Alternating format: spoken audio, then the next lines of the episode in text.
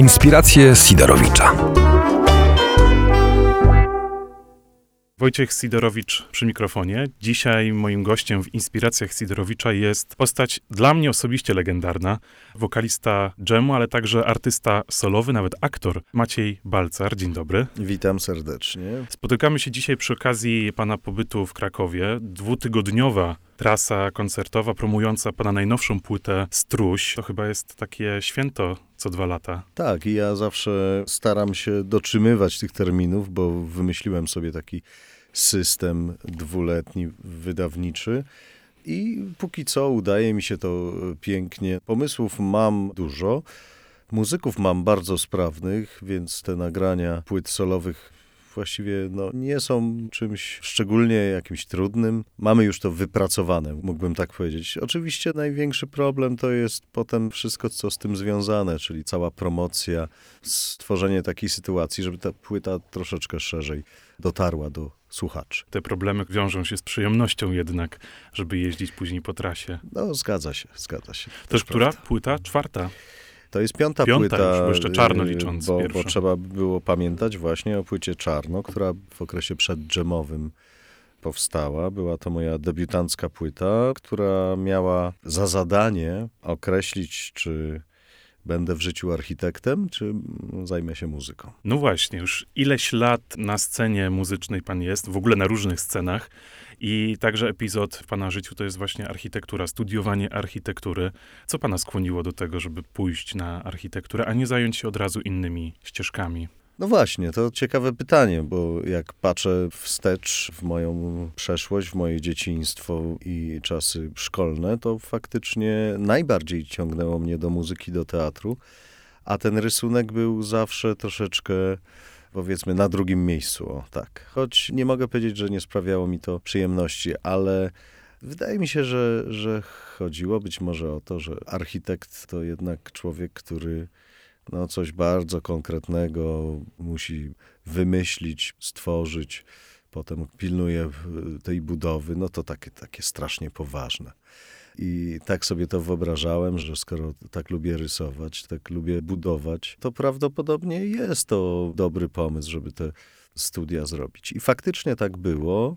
Bo z perspektywy czasu muszę powiedzieć, że ta wiedza, którą nabyłem na Wydziale Architektury Politechniki Wrocławskiej, ona mi się do dziś przydaje. Mam wrażenie, że troszeczkę mi nawet pomaga w komponowaniu bo jednak pewne mm, zasady kompozycji nie są tak ściśle przypisane do dziedzin sztuki. Pewne zasady kompozycji są uniwersalne. W związku z tym Jakby można tak je... opisał szerzej właśnie, jak można architekturę w komponowaniu, w pisaniu No chociażby użyć. zasada tego złotego podziału, tak, która w architekturze jest, jest bardzo ważna. Wydaje mi się, że w muzyce jest również łatwa w zastosowaniu. Każdy, kto bawił się dźwiękami MIDI, wie, że te dźwięki MIDI, pracując przy komputerze, wyglądają jak klocki. Klocki Lego, żeby Kolorowe nie, jeszcze. nie powiedzieć tak, tak. I tak naprawdę można je czasami nawet w sposób bardzo wizualny nakreślić i potem posłuchać, co z tego wyjdzie, tak? To już to idę w taką abstrakcję, ale okazuje się, że to wcale nie jest abstrakcja, ponieważ na nasze współczesne urządzenia pierwszego kontaktu, czyli tablety i telefony komórkowe są już pisane programy, dzięki którym można właśnie bardzo tak intuicyjnie, wybiórczo dotykać palcem w różnych rejonach tego ekranu i w ten sposób zupełnie jakby tak intuicyjnie tworzyć muzykę, tak? Czyli to ktoś już na to też wpadł, tak, że muzyka to tak naprawdę są klocki, które można w różne sposoby poukładać i w architekturze jest podobnie. No, jednak budujemy z cegieł, elementami są okna, tak, stropy mają swoją grubość i te wszystkie rzeczy, jeżeli się o nich pamięta i wie, no to się buduje piękny budynek, zachowując oczywiście proporcje okien w stosunku do budynku. I tak samo w muzyce, jeżeli zachowujemy jakieś proporcje części fragmentów muzyki tak w danym utworze, to też otrzymujemy bardzo zgrabny i ciekawy utwór. Mówi pan, że poszedł na architekturę, bo lubił rysować, ale też nie miał pan takiego, takich rozmów w domu chociażby, że musi pan pójść na coś, co da panu porządny zawód, później porządne pieniądze i przez to ta muzyka trochę odeszła jednak na bok? Oczywiście, że tak, ale to myślę, że to troszeczkę wynikało też z czasów. Myśmy żyli, no ja jestem 71 rocznik, tak? Czyli myśmy jeszcze żyli w przeświadczeniu, że dobry zawód, dobre wykształcenie to jest gwarancja, no powiedzmy, przyzwoitej tam pracy, tak? Można tą pracę znaleźć, można dzięki temu utrzymać dom i rodzinę. Teraz okazuje się, że wcale nie jest to takie oczywiste, że ja zresztą moim dzieciakom często powtarzam, że według moich obserwacji najważniejsze w tym momencie to jest otwartość na świat i umiejętność komunikowania się z ludźmi, najlepiej w kilku językach, tak? Bo to otwiera po prostu niesamowite możliwości nie tylko w kwestiach podróży, ale też właśnie w kwestiach biznesowych, w kwestiach zawodowych. Tak? Co ma pan na myśli, mówiąc ta otwartość na świat?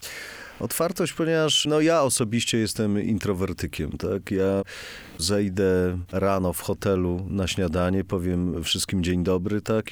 Usiądę przy stole i będę jadł swoje śniadanie. Ale mam też takich kolegów, którym zazdroszczę, szczerze mówiąc, siedzi, powiedzmy, y, na śniadaniu grupa ludzi, którzy widać, że są egzotyczni, są no, po prostu gdzieś albo zawodowo, albo, albo turystycznie, ale z bardzo daleka. I po pierwsze, dysponując dobrym językiem, tak, a najlepiej kilkoma, po drugie, mając właśnie tą otwartość, można zwyczajnie grzecznościowo zadać pytanie, skąd są, w jakim celu przyjechali, tak, oczywiście w sposób nie jakiś ingerujący w ich prywatność, tak, tylko tak zwyczajnie, że tak powiem, e, tak, tak. Też pamiętajmy, że jak my jesteśmy gdzieś za granicą, czujemy się trochę nieswojo, no bo nie jesteśmy w swoim środowisku, więc w momencie, kiedy zwraca się do nas ktoś miejscowy i w dodatku robi to w, w sposób grzeczny i sympatyczny, to zawsze nam jest trochę raźniej, prawda? I myślę, że w ten sposób podchodząc do tych ludzi, możemy uzyskać nie dość, że informacje, dwa, możemy całkiem fajną przyjaźń nawiązać, być może, tak? pokazać tym ludziom coś z tej naszej rzeczywistości, coś, co ich może zainteresować. Ja zazdroszczę tym moim kolegom, którzy potrafią właśnie zejść na śniadanie i powiedzieć, ojej, skąd jesteście, jak się tu znaleźliście, to no, fascynujące, że aż, aż stamtąd tutaj dotarliście, w jakim celu, co was tu sprowadza, tak? I to jest właśnie ta otwartość.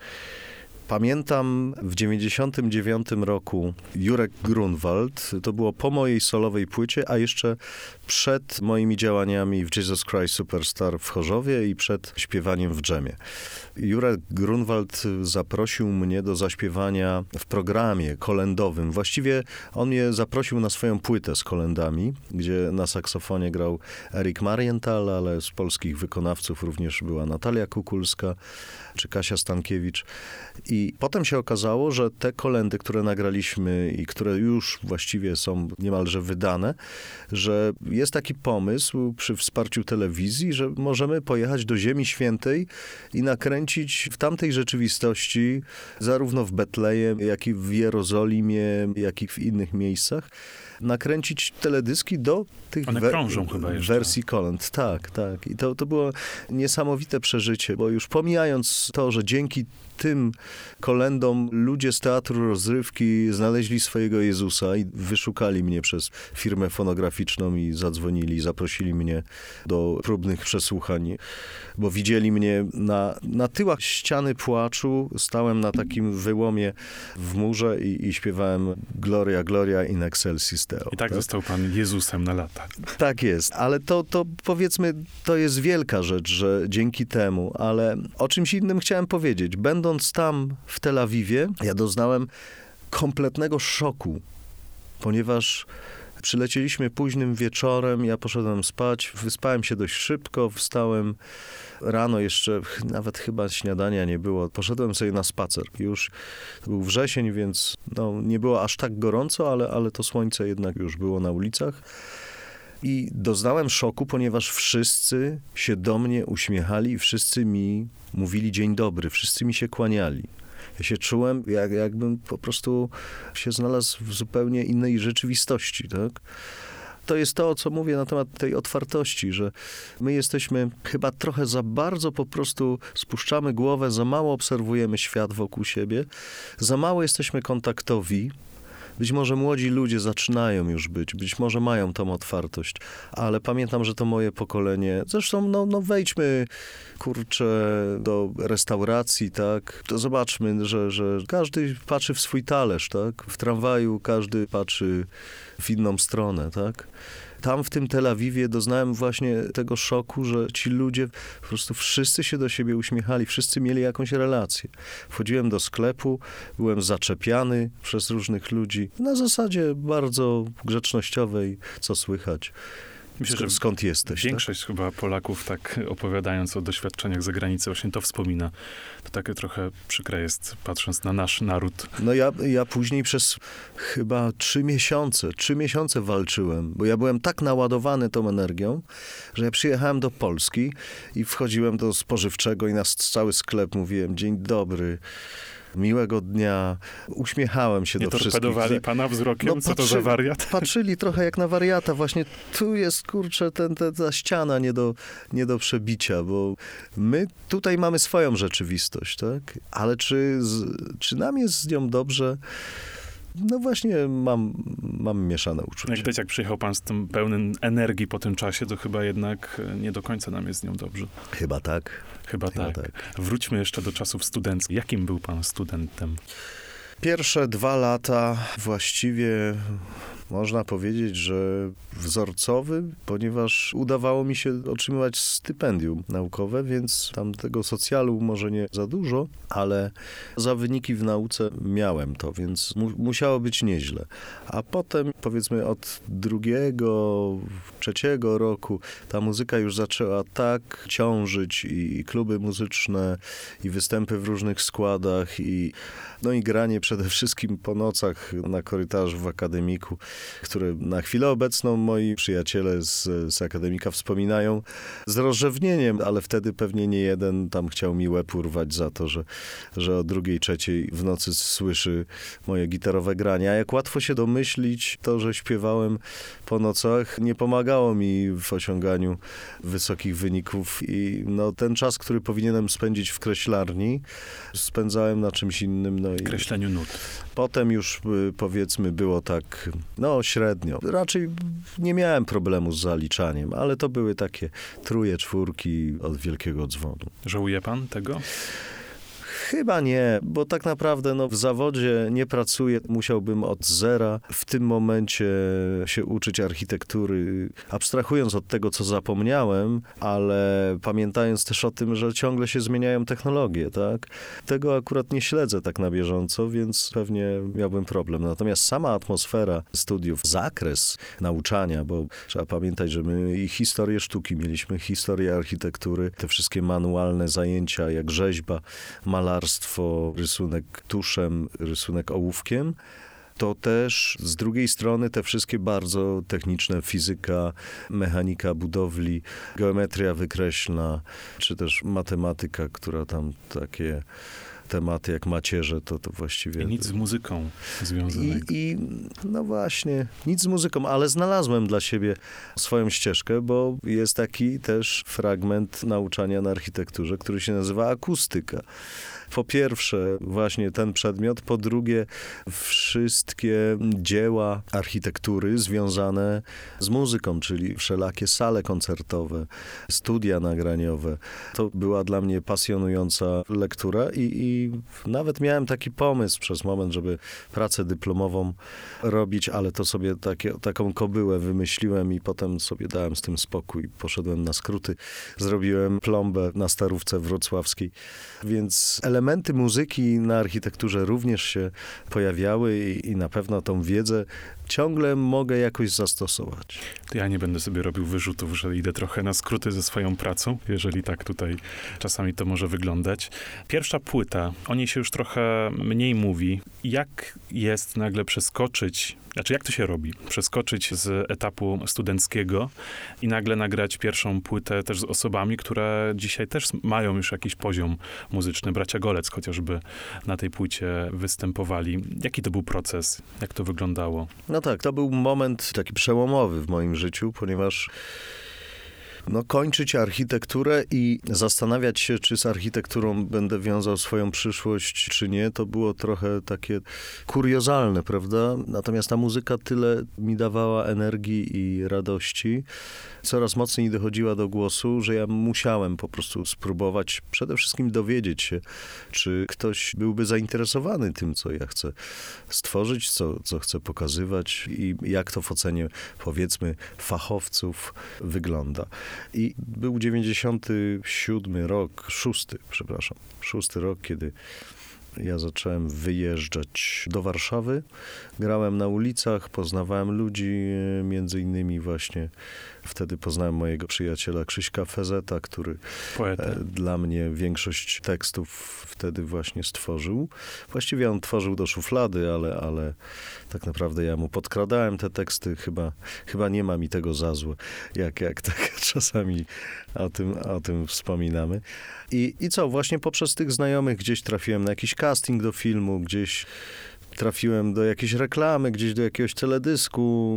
No, cały czas gdzieś próbowałem się w tym rejonie dowiedzieć, czy to, co ja robię, czy to, co ewentualnie mam do zaproponowania, czy to ma sens i czy przełoży się potem na jakieś, nie wiem, bardziej zawodowe potraktowanie tematu. I, no i co? No właśnie trafiłem na wytwórnię, która postanowiła wydać tą moją płytę debiutancką.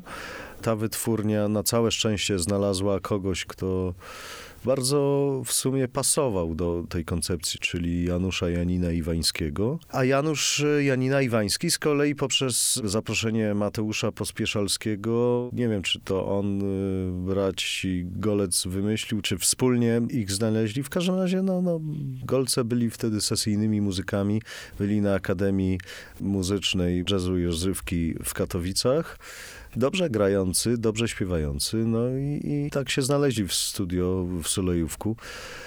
Dwa lata później spotkaliśmy się na scenie Jesus Christ Superstar, gdzie ja dostałem rolę tytułową, a, a z kolei bracia Golce, kończąc studia jeszcze na zaproszenie dyrygenta Jurka Jarosika, grali w składzie orkiestrowym w spektaklu. Tak? Czyli no, nasze losy się przecinały i myślę, że, że na tym nie koniec. A Janusz Radek już wtedy grał Judasza? Janusz Radek, tak. To była historia bardzo zawiła, dlatego że mnie znaleźli ludzie z Teatru Rozrywki poprzez program w telewizji z kolendami Jurka Grunwalda, a ja jak przyjechałem na przesłuchania próbne do Jezusa i gdyby zostałem zaakceptowany, to zostałem zapytany, czy nie znam kogoś, kto mógłby zaśpiewać rolę Judasza. A ja znając bardzo dobrze ten materiał, tą rock operę Jesus Christ Superstar, wiedziałem, że nie jest to, jest to potwornie trudna partia do śpiewania, bo to raz, że wysoki głos to z drugiej strony bardzo dramatyczny on musi być. To nie może być wyśpiewane, to momentami musi być wypłakane, wykrzyczane, wyszczekane.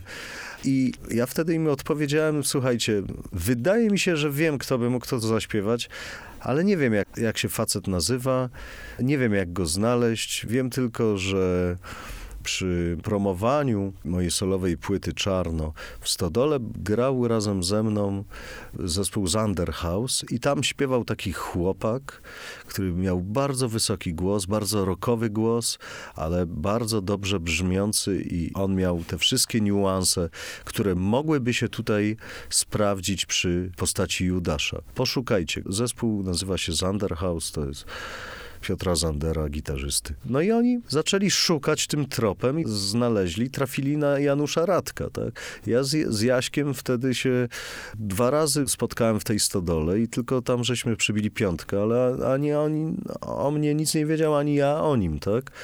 Polubiłem jego śpiewanie i, i, kiedy padło pytanie, czy znam kogoś, kto może zaś, zaśpiewać Judasza, to po prostu no, przyszedł mi do głowy i tyle. Dostał tą rolę i razem żeśmy przygotowywali premierę i te 19 lat po prostu razem śpiewamy w tym spektaklu. Widać, jak życie jest kwestią przypadku często i pamięci. Tak.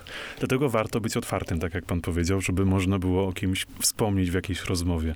Oczywiście, że tak. Warto wychodzić z domu, warto zaczepiać w sensie pozytywnym ludzi, bo zupełnie nie wiemy, co się wydarzy. Co później. się wydarzy, tak. To jeszcze idąc tym tropem, muszę zapytać o dżem.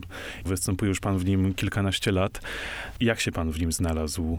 No z dżemem ja miałem kontakt dość długo, wcześniej, przed 2001 rokiem, kiedy zostałem zaproszony do współpracy. W 90 latach śpiewałem w bardzo podobnym zespole w Ostrowie Wielkopolskim. Zespół nazywał się Blues Forever miał bardzo podobnie skład skonstruowany, no, interesował się, powiedziałbym, podobną jeśli nie identyczną muzyką, czyli takie południe bluesa, takie okolice bluesa. I co? W momencie, kiedy Jam grał w Ostrowie, to Blues Forever często supportował zespół Jam i po prostu panowie z jednego zespołu dobrze się znali z panami z drugiego zespołu. I tu jest jakby cała tajemnica. W momencie, kiedy zmarł Rysiek Riedel, był ogłoszony konkurs ja w tym konkursie nie brałem udziału. No szczerze, jakoś nie wyobrażałem sobie tego, że może ktoś wejść na scenę po Ryśku i, i śpiewać. Potem, 7 lat później, kiedy zostałem zaproszony do współpracy, to już troszeczkę inaczej wyglądało. Te emocje trochę opadły. No i przede wszystkim Dżem bardzo, bardzo mocno tam walczył z Jackiem Dewódzkim o no, prawo bycia, po prostu prawo istnienia, bo no, nie były to łatwe czasy. Nie były to łatwe czasy dla dżemu. I paradoksalnie Jacek Dewódzki zaczął się oddalać od zespołu w momencie, kiedy już jakby ustabilizował swoją pozycję w zespole. Dżem ustabilizował swoją pozycję na scenie polskiej rozrywkowej. I w momencie, kiedy to zaczęło im się ta współpraca rozjeżdżać, oni po prostu sobie przypomnieli o mnie i zapytali, czy nie chciałbym wspólnie czegoś z nimi zrobić. Za panem pierwsze koncerty na trasie Struś. Jak album się sprawdza na scenie? Album się sprawdza doskonale. Gramy akustyczny set ale płyta też jest nagrana w sposób akustyczny, więc to wszystko jest bardzo spójne, nic nie trzeba było przerabiać, kombinować, przearanżowywać. Tak jak jest to nagrane na płycie, tak jest grane na koncertach i no, reakcje publiczności są naprawdę bardzo, bardzo takie krzepiące, dające dużo satysfakcji i energii.